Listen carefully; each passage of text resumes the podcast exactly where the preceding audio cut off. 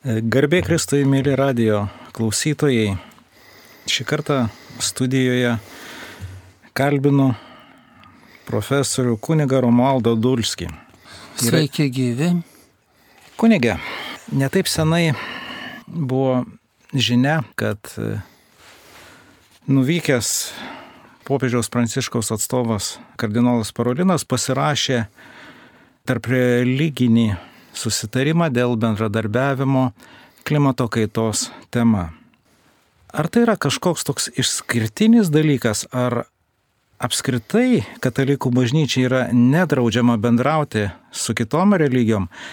Koks yra katalikų bažnyčios mokymas, požiūris į religijų dialogą ir ką apie tai kalbėjo antras Vatikano susirinkimas? Turbūt e, svarbiausia ir, ir reikšmingiausia, ką galima būtų atsiminti iš antro Vatikano, tai iš deklaracijos apie bažnyčios santykius su nekrikščioniškomis religijomis, kur sakoma, kad katalikų bažnyčia neatmeta nieko, kas nekrikščioniškose religijose yra tikra ir šventa. Ir tai labai brandus teiginys, kuris nurodo, kad katalikų bažnyčia siekia to, kas tikra ir šventa, atpažinti kitose nekrikščioniškose religijose, pripažįsta, kad tokių dalykų esama. Ir tai reiškia, kad nekrikščioniškose religijose nėra, nu, kaip kai kas galbūt mano ar norėtų manyti, kad ten tik blogis, tik tai klaida. Bet priešingai oficialus bažnyčios mokymas yra tas, kad nekrikščioniškose religijose yra tikrų ir šventų mokymo ir gyvenimo praktikos aspektų.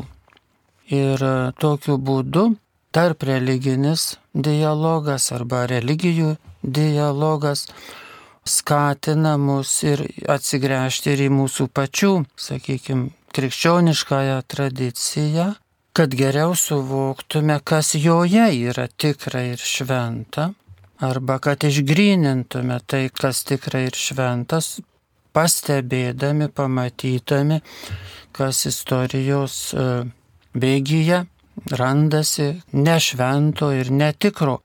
Ir tokiu būdu religijų dialogas veda į tobulesnę gyvenimo kokybę, ištobulina, jeigu norime mūsų krikščioniškumą ar apskritai mūsų dvasinį ir moralinį gyvenimą. Bet paprastai kiekviena religija turi vieną iš tikslų nešti žmonėm savitą pasaulio supratimą, savitą pasaulyje žiūrą. Ir ar šitoje vietoje nekyla prieš priešą tarp evangelizacijos, tai yra evangelijos skelbimo, ir kitų religijų, ir dialogo tarp religijų? Taip, kai kas norėtų matyti prieš priešą tarp evangelizacijos ir religijų dialogo, nes evangelizacija siekia nu, proteguoti savo, sakykime, savo supratimą arba savo tikėjimą, skelbti kitiems. O religijų dialogas, tam, kad jis būtų dialogas, jis negali, sakykime, tiesiogiai toks būti evangelizuojantis, bet e, tai yra įsiklausimas vienų į kitus.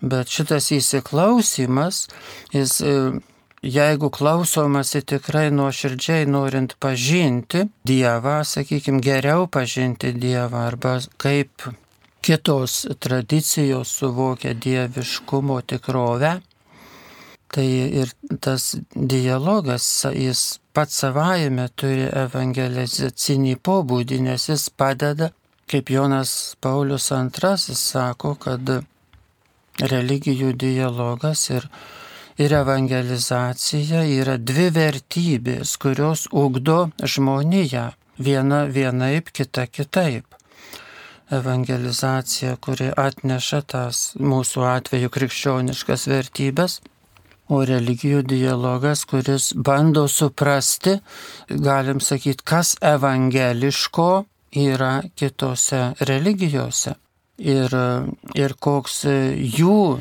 požiūris į metafizinę tikrovę gali mus praturtinti. Ir kai susiduria dvi skirtingos religijos ar du mokymai apie, apie dieviškuosius dalykus ir vieni moko vieną, kiti kitą, tuomet, e, sakykime, suvokiame, kad mes nu, esame šališki, vienas savo, kitas savo teigiame ir natūraliai, galbūt po pokalbio, po diskusijos ar po perskaityto teksto mums kyla klausimas apie objektyvų, nešališką požiūrį. Kokia ta objektyvi tiesa? Jeigu, kaip sakome, kiekvienos religijos atstovas turi savo tiesą pagal tą, kaip jis tiki. Ir dažnai atsakymas reiškia, kodėl tu taip tiki. Tai būna dėl to, kad taip tikiu. Tai nėra racionalus paaiškinimas ir dažnai šiandieniam žmonėm, kurie nėra labai užsiengažavę vienai ir kitai religiniai tradicijai, jiem tai yra nepakankamas atsakymas. Ir visoje turbūt mūsų visuomenėje, šiandienėje pasaulio visuomenėje, bet ir mūsų toje visuomenėje, kur yra šalia mūsų, randasi vis didesnis objektyvios tiesos e, poreikis, socialinės objektyvios tiesos. Konfliktinėse situacijose žmonės ieško ne koks autoritetas, ką sako, bet ar, ar tas autoritetas kalba objektyviai, ar tie teiginiai yra objektyvūs, ar yra šališki. Tai religijų dialoge labai svarbu turbūt tas, kad tai, kad iškyla objektyvaus požiūrio iššūkis. Ir jis skatina tada ieškoti tų objektyvių atsakymų apie Dievą, apie žmogų, apie žmogaus gyvenimo nu, kelią arba apie žmogaus išganimą, koks tas yra objektyvus, tikras e, kelias, kuris veda į gyvenimo pilnatvę. Jūs paminėjote popiežių Joną Paulių II, kuris įžvelgė ne prieš priešą tarp evangelizacijos ir kitų religijų dialogo, bet kaip tik galimybę. Lygiai taip pat ir dabartinis popiežius Pranciškus kalba, kad tarp religinis dialogas yra ypatingas mūsų dienų ženklas, kurį įkvėpė Dievas. Ar šitas religijų dialogas yra tik tai tarp religijų, ar jis nėra kartu ir kultūrų, filosofinių sistemų, skirtingo mąstymo, skirtingo tautų mentalitetų ir, sakykime, skirtingų pasaulyje žiūrų dialogas? Tai tikrai, kad e, religijos paprastai e, turi turtingas filosofijas ir kultūrinį apvalką ir susidurdami su kitomis religijomis mes taip pat susidurėme su, su kitų tautų kultūromis, su kitų tautų pasaulyje jautomis, kaip žmonės suvokia kitokiu būdu šį pasaulį, kaip jį priima, kaip jį, jį jaučia, kaip, kaip jiems natūralu būti kitokiu šiek tiek ar gerokai kitokiu būdu negu me, mums. Ir žinoma, kitokios filosofijos, kurios, sakykime, jeigu religijų klausimas yra labai toks jautrus, nes negalim priimti kitos religijos, tai filosofija niekaip nekonfrontuoja su, sakykime, su krikščionybė, jokia filosofija, nu, kuri nebent būtų akivaizdžiai priešinga kaip nors krikščioniškom vertybėm, bet paprastai tautų filosofinės sistemos leidžia mums suprasti, kad mes taip pat tam tikrą filosofinę sistemą turime vakaruose ir kad Azijos filosofijos, paliekant nuo šaly šiek tiek e, religijas, bet kalbant apie Azijos filosofijas, tai jos visiškai neprieštarauja jokiai religijai ir taip pat krikščionybei ir taip pat Azijos kultūros arba tam tikra pasaulėjautos ar mentaliteto savitumai, o jie iš esmės jie neprieštarauja jokiai, jokiai religijai ir yra Dievo dovana. Ir šiandieną kai mes nebegalime iš tikrųjų ignoruoti nu, tų kultūrų, nes, nes jos pasiekia mus mums, nes mes ten nuvykstame atostogų ar, ar tiesiog kaip turistai, ar kaip kokie piligrimai. Daugybė žmonių turi galimybę aplankyti tolimiausius kraštus šiandieną ir aišku susiduria tada su tom kitokiom pasaulėjautom, kitom religijom, kitom gyvenimo filosofijom ir, ir natūraliai mes nebegalim sakyti, nu, čia niekur nesidairyk, žiūrėk tik tai į tai, kaip e, moko, sakykime, ta vakarietiškoji krikščionybės interpretacija. Tai žmogus nori gilesnių, dažnas žmogus nori gilesnių ir labiau pagrįstų atsakymų. Ir turbūt kuo toliau gyvensime, tai tuo labiau tas kultūrų susitikimas bus intensyvesnis ir tie klausimai vis labiau kils. Ir tada matysim, kad tas dialogas mus viena vertus praturtina, o kita vertus išryškėja turbūt, kur yra tikroji tiesa ir gėris. Klausėme tada apie apie tą objektyvę tiesą ir objektyvę, objektyvų gėrį, kai susidurėm su įvairiomis kultūromis, įvairiomis filosofijomis ir įvairiomis pasaulėjautomis. Paprastai dialogas prasideda nuo dviejų arba daugiau asmenų susitikimo. Tai gal galima e, religijų dialogo atveju pasakyti, kad jisai prasidėjęs asmenų dialogų toliau plėtojasi ir tampa kultūrų susitikimo dialogo, iš tiesų civilizacijų dialogo vieta. Žinoma, jau šiandien jau yra pastebima, kad sakykime, religinės sistemos, ką vėl reiktų pasakyti, kad savoka religija yra europietiška savoka. O Azijoje tai, ką mes pavadinam religija, jų tradicijoje tai yra vadinama mokymu. Ir šiandieną priimta ta religijos savoka ir ji vartojama Azijoje, bet tai nėra jų tradicija, tai yra vakarietiško kalbėjimo tradicija.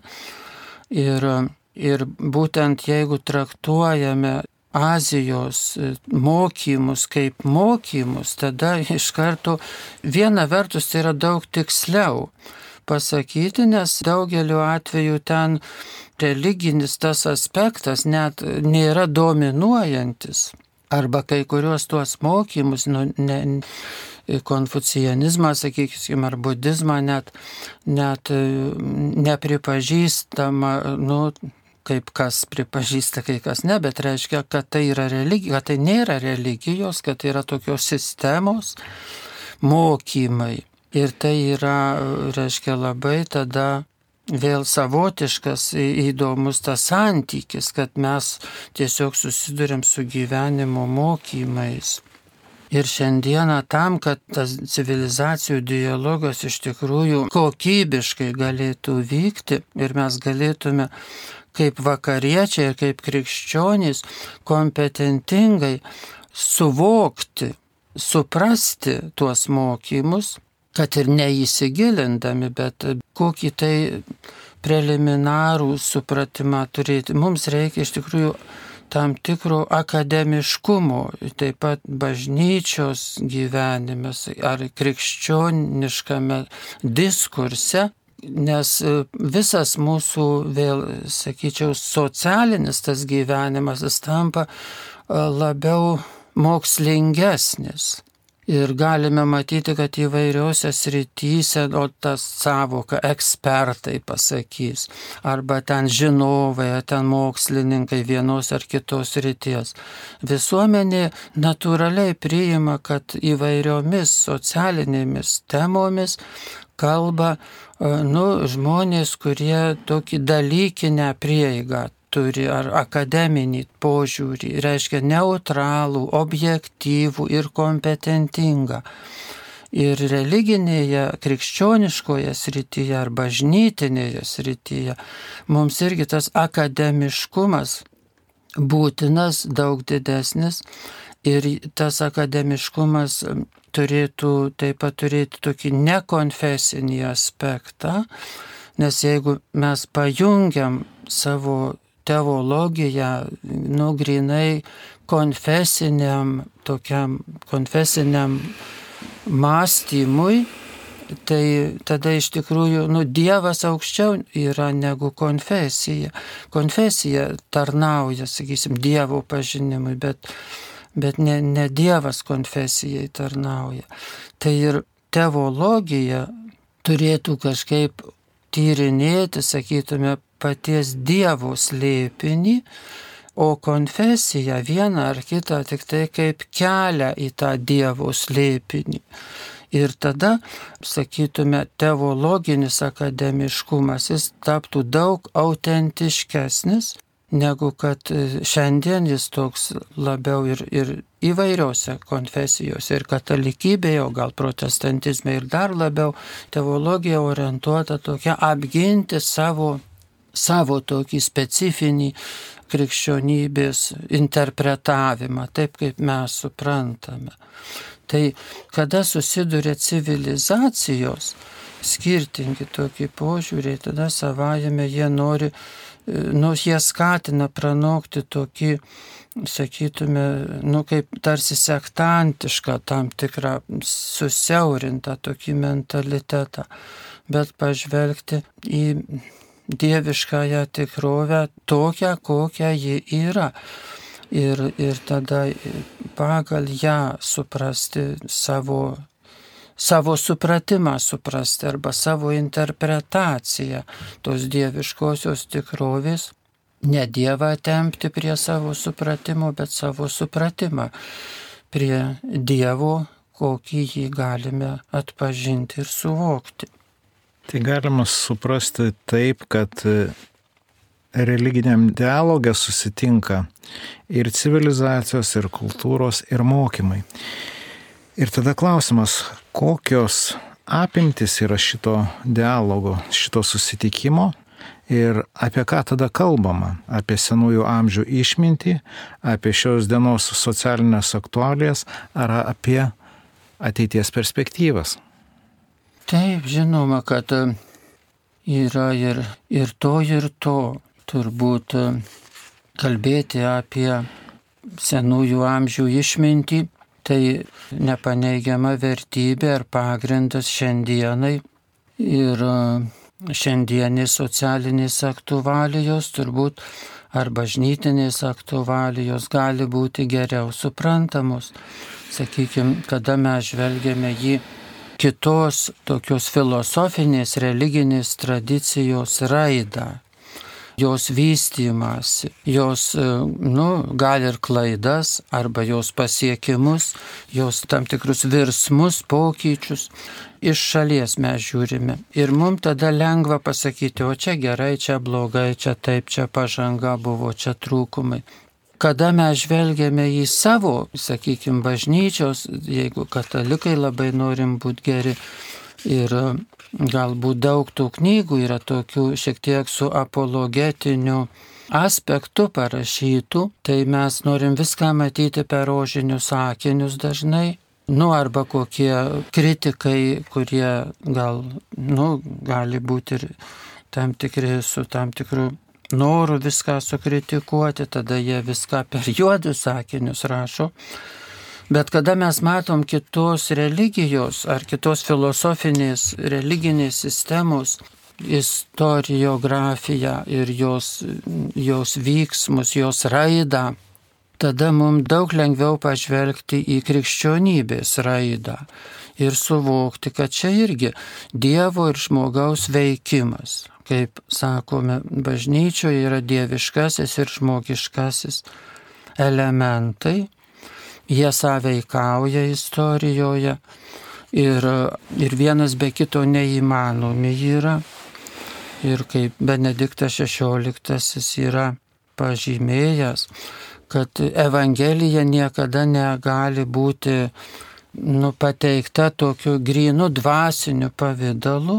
Tai reiškia Dievas tarsi, kodėl jisai kalba per žmonės ir tada jis kalba per kultūrą. Ir jis kalba kokią nors kalbą, bet ne tik, ne tik tam tikra kalba e, graikiškai ar hebrajiškai ar aramėjiškai ar dar kaip, bet jis kalba ir į tam tikrą mentalitetą arba net į tam tikrą laikotarpį kada jeigu Dievas kalba konkretiem žmonėm, tai jis turi prisiderinti prie to laikmečio. Ir Evangelija, ta prasme, Benediktas XVI sako, visuomet yra įvilkta į kultūrą, įvilkta į laikmetį ji niekada nėra tokio grynų pavydalo, kad čia Evangelija, be kultūros, be laikmečio, be kalbos, tokia kažkokia aukso grynuolis. Auksas gali būti išgrynintas, bet Evangelija, jos grynumas visuomet jisai tose žmogiškose drabužiuose yra. Ir drabužiai keičiasi, laikmečiai keičiasi ir mūsų užduotis yra atpažinti, atskirti, kas yra tas Evangelijos grynuolis. Tai tokiu būdu Evangelija kasdieną, kiekvienam laikotarpiai turi būti naujai atrasta. Evangelija nėra tai, kad pakartoti žinę apie tai, kad Jėzus gimė Betliejuje, ar kad mes tikime, kad jis prisikėlė, nes tą visi žino ir nuvažiavus į Kiniją per naujus metus ten visur skamba vakarietiškos kalėdinės melodijos. Tai jie žino, ką mes norim jiem pasakyti apie Jėzų. Ar jie tą priima, tai kitas klausimas, bet jeigu mes atnešam mūsų Evangeliją tik tokią, kad ar žinot, kad mes kelbiam jum Kristų, tai tą skelbia tiesiog, nu, savajame tas yra paskelbta, nes visas pasaulis žino, ką vakariečiai turi mintyje ar krikščionys. Bet mums svarbu, kokia šiandiena yra Dievo žinia, ką Dievas nori šiandieną pasakyti, kokia yra socialinė tiesa šiandieną, ko reikia mums šiandieną imtis, ar ko laikytis, ar ką ugdyti savyje? Ir kaip mums Dievui gyventi, kaip mums siekti išganimo šiandieną, tai yra turbūt Evangelijos e, nu, šerdis. Ar į tai, ką, į ką mes galime ar turėtume koncentruotis ir ko žmonės laukia turbūt iš, taip pat iš krikščionybės, ne iš bažnyčios taip pat ne tų tiesų pakartojimų, kurias žino ir arba tiki, arba netiki, bet e, to, ką galim sakyti, ką Biblijoje skaitome, kai Dievas ateidavo ir sakydavo pranašui ar, ar kokiam ten teisėjui vadinamam tam žydų tautos vadovui, kad tu eik ir padaryk konkrečius dalykus, šiandien arba rytoj štai ką reikia tau padaryti. Tai čia yra toks kaip, nu, galbūt paradigma, kas galėtų būti suvokiama kaip Dievo žinia. Bet taip pat žinoma, kad civilizacijų dialogas, taip pat ar religijų dialogas nėra vien tik pakalbėti apie tai, kokią turi religijos sukaupusios, kokią išmintį ar kokias vertybės, bet taip pat, kad kai mes susidurėme su ar leidžiame susidurti tom dviem mokymam, tam, kad gimtų nauja kokybė. Ne tam, kad mes tik sužinotume, kaip ten yra, bet tam, kad e, kaip mes gyvenime turbūt susitinkam kokį nors žmogų, kuris e, iš tolimų kraštų gal keliavęs ir mums papasakoja, tai ne tik tam, kad žinotume, kas ten yra, bet kad mes būtume kažkaip įkvėpti, kokie tai savo, e, mums kiltų idėjos, mums kokios tai vizijos ateitų, mums ateitų įkvėpimas, kaip gyventi tai religijų dialogas ar civilizacijų ar kultūrų susitikimas turbūt turi tą tikslą, kad pagimdyti naują gyvenimo kokybę. Individo, kiekvieno asmens, bet taip pat ir visos visuomenės arba bažnytinės visuomenės. Ne tam, kad mes per padidinimą stiklą tirtume kitas kultūras ir sakytume, čia teisingai, čia neteisingai, čia blogai, pas mus viskas geriau, ten gal blogiau ir viskas. Ne, bet tam, kad mes susitikę kaip rimtus pašnekovus ir to dialogo pasiekoje rastume savo įkvėpimą naujai kokybei, naujam nu, suvokimui, kaip mums gyventi Dievui. Kunigė Romualdai, šiais metais išleistoje knygoje, kuri jau, kai suskaičiavau, yra 11, jinai vadinasi pasivaikščiojimai su liezi, žmogaus pašaukimo slėpinys daoistinėje pasaulėjote. Šioje knygoje te gvildenate daoizmo filosofinę problematiką ir žmogaus pašaukimo slėpinį. Ir kodėl mums naudinga būtų susipažinti su Kinijos filosofinė ir metafizinė tradicija? Nu, Liedzi asmenybė labai yra ypatinga ir įdomi. Liedzi yra trečiasis iš vadinamosios filosofinio davoizmo tradicijos, tai šalia Lavodzi, Džiuangdzi ir Liedzi. Liedzi trečiasis. Jo savitumas yra, kad jis labai nuoširdžiai moka kalbėti, pasakoti apie save ir atskleidžia savo klaidas, savo nesėkmes, savo įdas, su kuriomis grūmėsi, kovojo ar kurį tai galbūt laikotarpį nepaėgė įveikti ir jis apie tai pasakoja, tai mes tada atsipalaiduojame, mums nereikia apsimesti, kad esam geresni negu, negu kad esam. Sakytume, kalbėdamiesi, skaitydami, lyg kalbamės su Liedzi, kuris yra toks viena vertus mums suprantamas, kita vertus tie jo vis tiek temos, kurias aptarė, yra tokios egzistencinės, kurios rūpi kiekvienam žmogui, nežiūrint jo padėties, statuso, sėkmingumo, tokio išorinio sėkmingumo, nes kas tas sėkmė iš tikrųjų Dievo akise. Ir daugybę dalykų turbūt e, liedzi, kaip ir filosofinė davoistinė tradicija, ji, nu, taip drįsta perklausti, drįsta suabejoti daugeliu tezių, kurios e, šiaip gyvenime žmonių paprastai priimamos kaip tokios aksijomos ir dažnai, nu, gal be tikro, be tikro pagrindo, tai davoistinė filosofija, sakytume, gal ieško to giluminio pamato pro, pro visas, visas žmogiškas struktūras. Ir šiaip galbūt dar ta galimybė per liedzi akinius pažvelgti į save iš, į savo krikščioniškumą iš šalies. Galbūt šiandieną bažnytinės sferos žmonėms ir krikščionims labai trūksta žvilgsnio iš šalies, nes e, vyrauja toks požiūris, kad e, mes, krikščionys, turim Dievą, Dievo sūnų, pažįstam jį ir mums to užtenka. Tai mes viską žinom, viską suprantam ir nereikia, kad mus kas mokytų.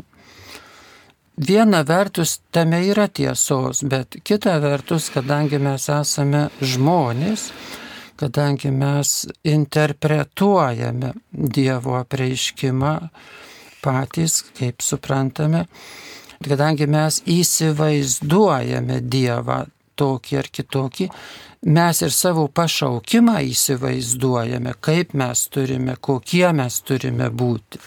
Ar kokia turi būti bažnyčia, mes įsivaizduojame ir labai gerai žinome. Bet dėl to tas žvilgsnis iš šalies nepaprastai, jis tiesiog būtinas, nu, sakykime, akademinėme gyvenime. Daugybė dabar žmonių daugiau ar mažiau prisiliečia prie mokslo, prie akademinių tam tikrų taisyklių, kur vyrauja papildomumo toks principas, kad jeigu žmogus ką nors daro, jis turi turėti recenzentus, kurie pažvelgtų į jo mokslinius tyrinėjimus iš šalies ir pasakytų, tu čia gerai ir čia turi trūkumų ir čia, ir čia pliusų yra tavo tyrinėjimuose, tavo atradimuose. Ir, ir yra to, ką dar gali padaryti geriau. Tai žvilgsnis iš šalies, bet kokioje kūryboje, meninėje kūryboje ar, bet kokioje, ar tiesiog taip pat ir mūsų būtyje, būtinėme gyvenime labai svarbus. Ir, ir, ir jis yra išganingas, kad mes turime žmonės, kurie, kaip sakoma, kurie mums parodo, iš tikrųjų leidžia mums suprasti, kokie mes esame. Tai krikščionybėje labai dažnai tas toks tarsi tokia krikščioniška arogancija, arba ta bažnytinė taip pat arogancija. Nu, kas gali pamokyti katalikų bažnyčią, juk arba bažnyčią, bet jos jos atstovus, kasgi gali pamokyti, tik pats Dievas, o tai va, ir reiškia niekas. Reiškia, mes nu, neturim į ką tada atmetam tą iš tikrųjų, ką pats Dievas duoda kitus žmonės, kad pažvelgtume iš šalies į save. Ir tai yra išganinga. Ir tai yra mums tiesiog Dievo dovana, tas žvilgsnis kuris parodyt gali mūsų ir, sakysime, ir tai, kas yra pozityvu ir gera, ir, ir mūsų pasiekimus dar labiau paryškint leist pamatyti. Ir kartu tas, kas galėtų būti geriau, kas taisytina, kas netobula, kas visiškai atmestina, išmestina, tuos dalykus taip pat lengva pamatyti, kada mes nežiūrim tik tai patys į save ir nesam tik savim patenkinti. Pacituosiu jūsų knygą. Jonas Paulius II sugretino Kiniją ir katalikų bažnyčią, pavadindamas jas didžiomis institucijomis ir kviesdamas abipusio praturtinimo dialogui. Žvelgiant istoriškai, Kinija ir katalikų bažnyčia yra dvi, be abejo, skirtingos, tačiau jokių būdų nepriešingos, seniausios pasaulyje egzistuojančios bei veikiančios institucijos. Viena politinė socialinė, kita religinė dvasinė. Kiekviena iš jų turi virš milijardo sūnų ir dukterų. Trokštų ir melžiuosi, kad tėvo Mateo Ritsi nutiestas kelias tarp vakarų ir rytų, tarp krikščionybės ir Kinijos kultūrų atrastų vis naujas dialogo ir abipusio žmogiško bei dvasinio praturtinimo galimybės. Ar ši popiežiaus Jono Poliaus antrojo mintis turėtų mus paskatinti ieškoti autentiškų dvasinių turtų ir gilinti savo pašaukimo sampratą bei viziją. Tai va tikrai Jonas Paulius II šventasis popiežius ir daugelio talentų, bet ir apdovanotas, ir, bet ir tikra Dievo ir žmonių meilė, tikra akademinė ir dvasinė branda, apdovanotas žmogus. Ir jo mokymo kontekste ką jisai, ką pacitavote, rašė apie Mateo Ryčią, tai didįjį jėzuitų misionierių, kuris labai palankiai žvelgia į Kinijos filosofinę tradiciją ir dėl to buvo labai sėkmingas misionierius, jo misijos buvo labai sėkmingos, kol, nu, vėlesni kataklizmai to viso nesugriovė. Tai ir tikrai e, tai nurodo į, į mūsų, taip pat į mūsų pašaukimą, į kiekvieno žmogaus tiek bendrąjį, tiek specialų jį vadinamą pašaukimą, tiek kiek mes esam kaip kiekvienas žmogus pašaukti, kaip sakom, į šventumą, ar galėtume sakyti, kas tas šventumas, tai asmenybės branda dvasinė ir moralinė. Ar specialusis pašaukimas, per dažnai tie mūsų pašaukimai suvokiami kaip statiškos dovanos, statiškos tikrovės bet iš tikrųjų jos yra savo prigimtimi dinaminės. Dinamiškos tikrovės, kurioms skirta nuolatos, nuolatos bręsti, pasiekti naują brandą. Ir um, mano turbūt mėgiamas Karlas Gustavas Jungas, kuris didysis psichiatras, psichologas išminčius, kuris sako, kad iš e, kai kurių įdų mes turime tik išaukti, mes negalime niekaip nugalėti kai kurių savo įdų trūkumų tiesioginė prasme, bet iš jų išaukti galime, iš visų jų išaukti. Ir žiūrint turbūt tokiu dvasiniu, teologiniu žvilgsniu, tai taip pat, nes labai teisinga taip pat, nes Dievas yra tas, kuris mus brandina, augina. Visa Dievo išganimo ekonomija yra ugdanti žmoniją. Ir Benediktas XVI taip pat galėtume atskirą temą pakalbėti apie tai, kaip jis kalba apie religijų progresą, religijų raidą žmonijos istorijoje, kurioje labai ryšku, kaip Dievas ugdo e, žmoniją kaip visumą ir tuo pačiu kaip atskirus mus kaip individus, kaip asmenybės. Ir mūsų temoje, turint galvai kultūrų susitikimą ar skirtingų pasaulio religinių filosofinių mokymų, požiūrių susitikimą, tai ta dinamiška mūsų būties prigimtis dar labiau išryškėja. Ir mūsų pašaukimas e, gali, gali būti ir gal turi būti suvokiamas kaip, kaip nuolatinė kelionė tampame kuo nors, ne tam, kad ir būtume stabiliai, statiškai tuo ar kitu, bet kad e, nuolatos auktume ir keliautume link to, kas tikra ir šventa, kas yra šviesu ir kas, kas dieviška. Kuniga Romaldai mes kalbamės, bet laikas bėga nenumaldomai ir Mūsų pašnekėsis artėja į pabaigą. Ką palinkėtumėt Marijos radio klausytojam? Nu, turbūt e, galima.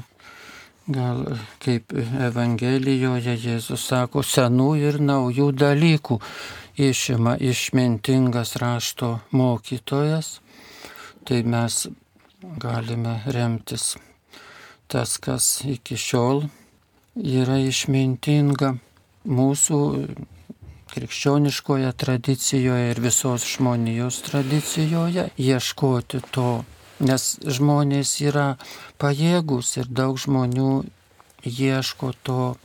Kodėl ieško kitose religijose? Dėl to, kad dažnai susiduria su lėkšta krikščionybė, lėkšta krikščionybės interpretacija. Tai, kad mūsų krikščionybė, mūsų Evangelijos skelbimas nebūtų lėkštas, bet jis turėtų gelmes ir žmonės tada bus pasotinti tų giluminių dalykų. Tai viena vertus, kita vertus, kad mes naujumui taip pat būtume atviri, bandydami suvokti, ką brandaus Dievas nori mums teikti šiandieną, kokį didesnį, sakykime, šventumą, kokį didesnį tikrumą, negu iki šiol mes suvokėme, nes atrodo, kad tikrai mūsų tikrovė, kurioje gyvename, yra tokia, kad ji eina į didesnę brandą. Ir tai Dievo valia. Ir tai, kad ir mes visi galim, kaip sakant, atsipalaiduokim, nes tam tikrą prasme, nes atsiverkim geriem, geriem dalykam. Ačiū Jums, kunigai Romaldai, už pastebėjimus, pasidalinimus, įžvalgas. Mėly radio klausytojai, kalbėjome su kunigu profesoriu Romaldu Dulskiu apie tai, ar reikia bijoti religijų dialogo ir kuniga kalbino aš Mindaugas Advilonis. Su Dievu. Su Dievu.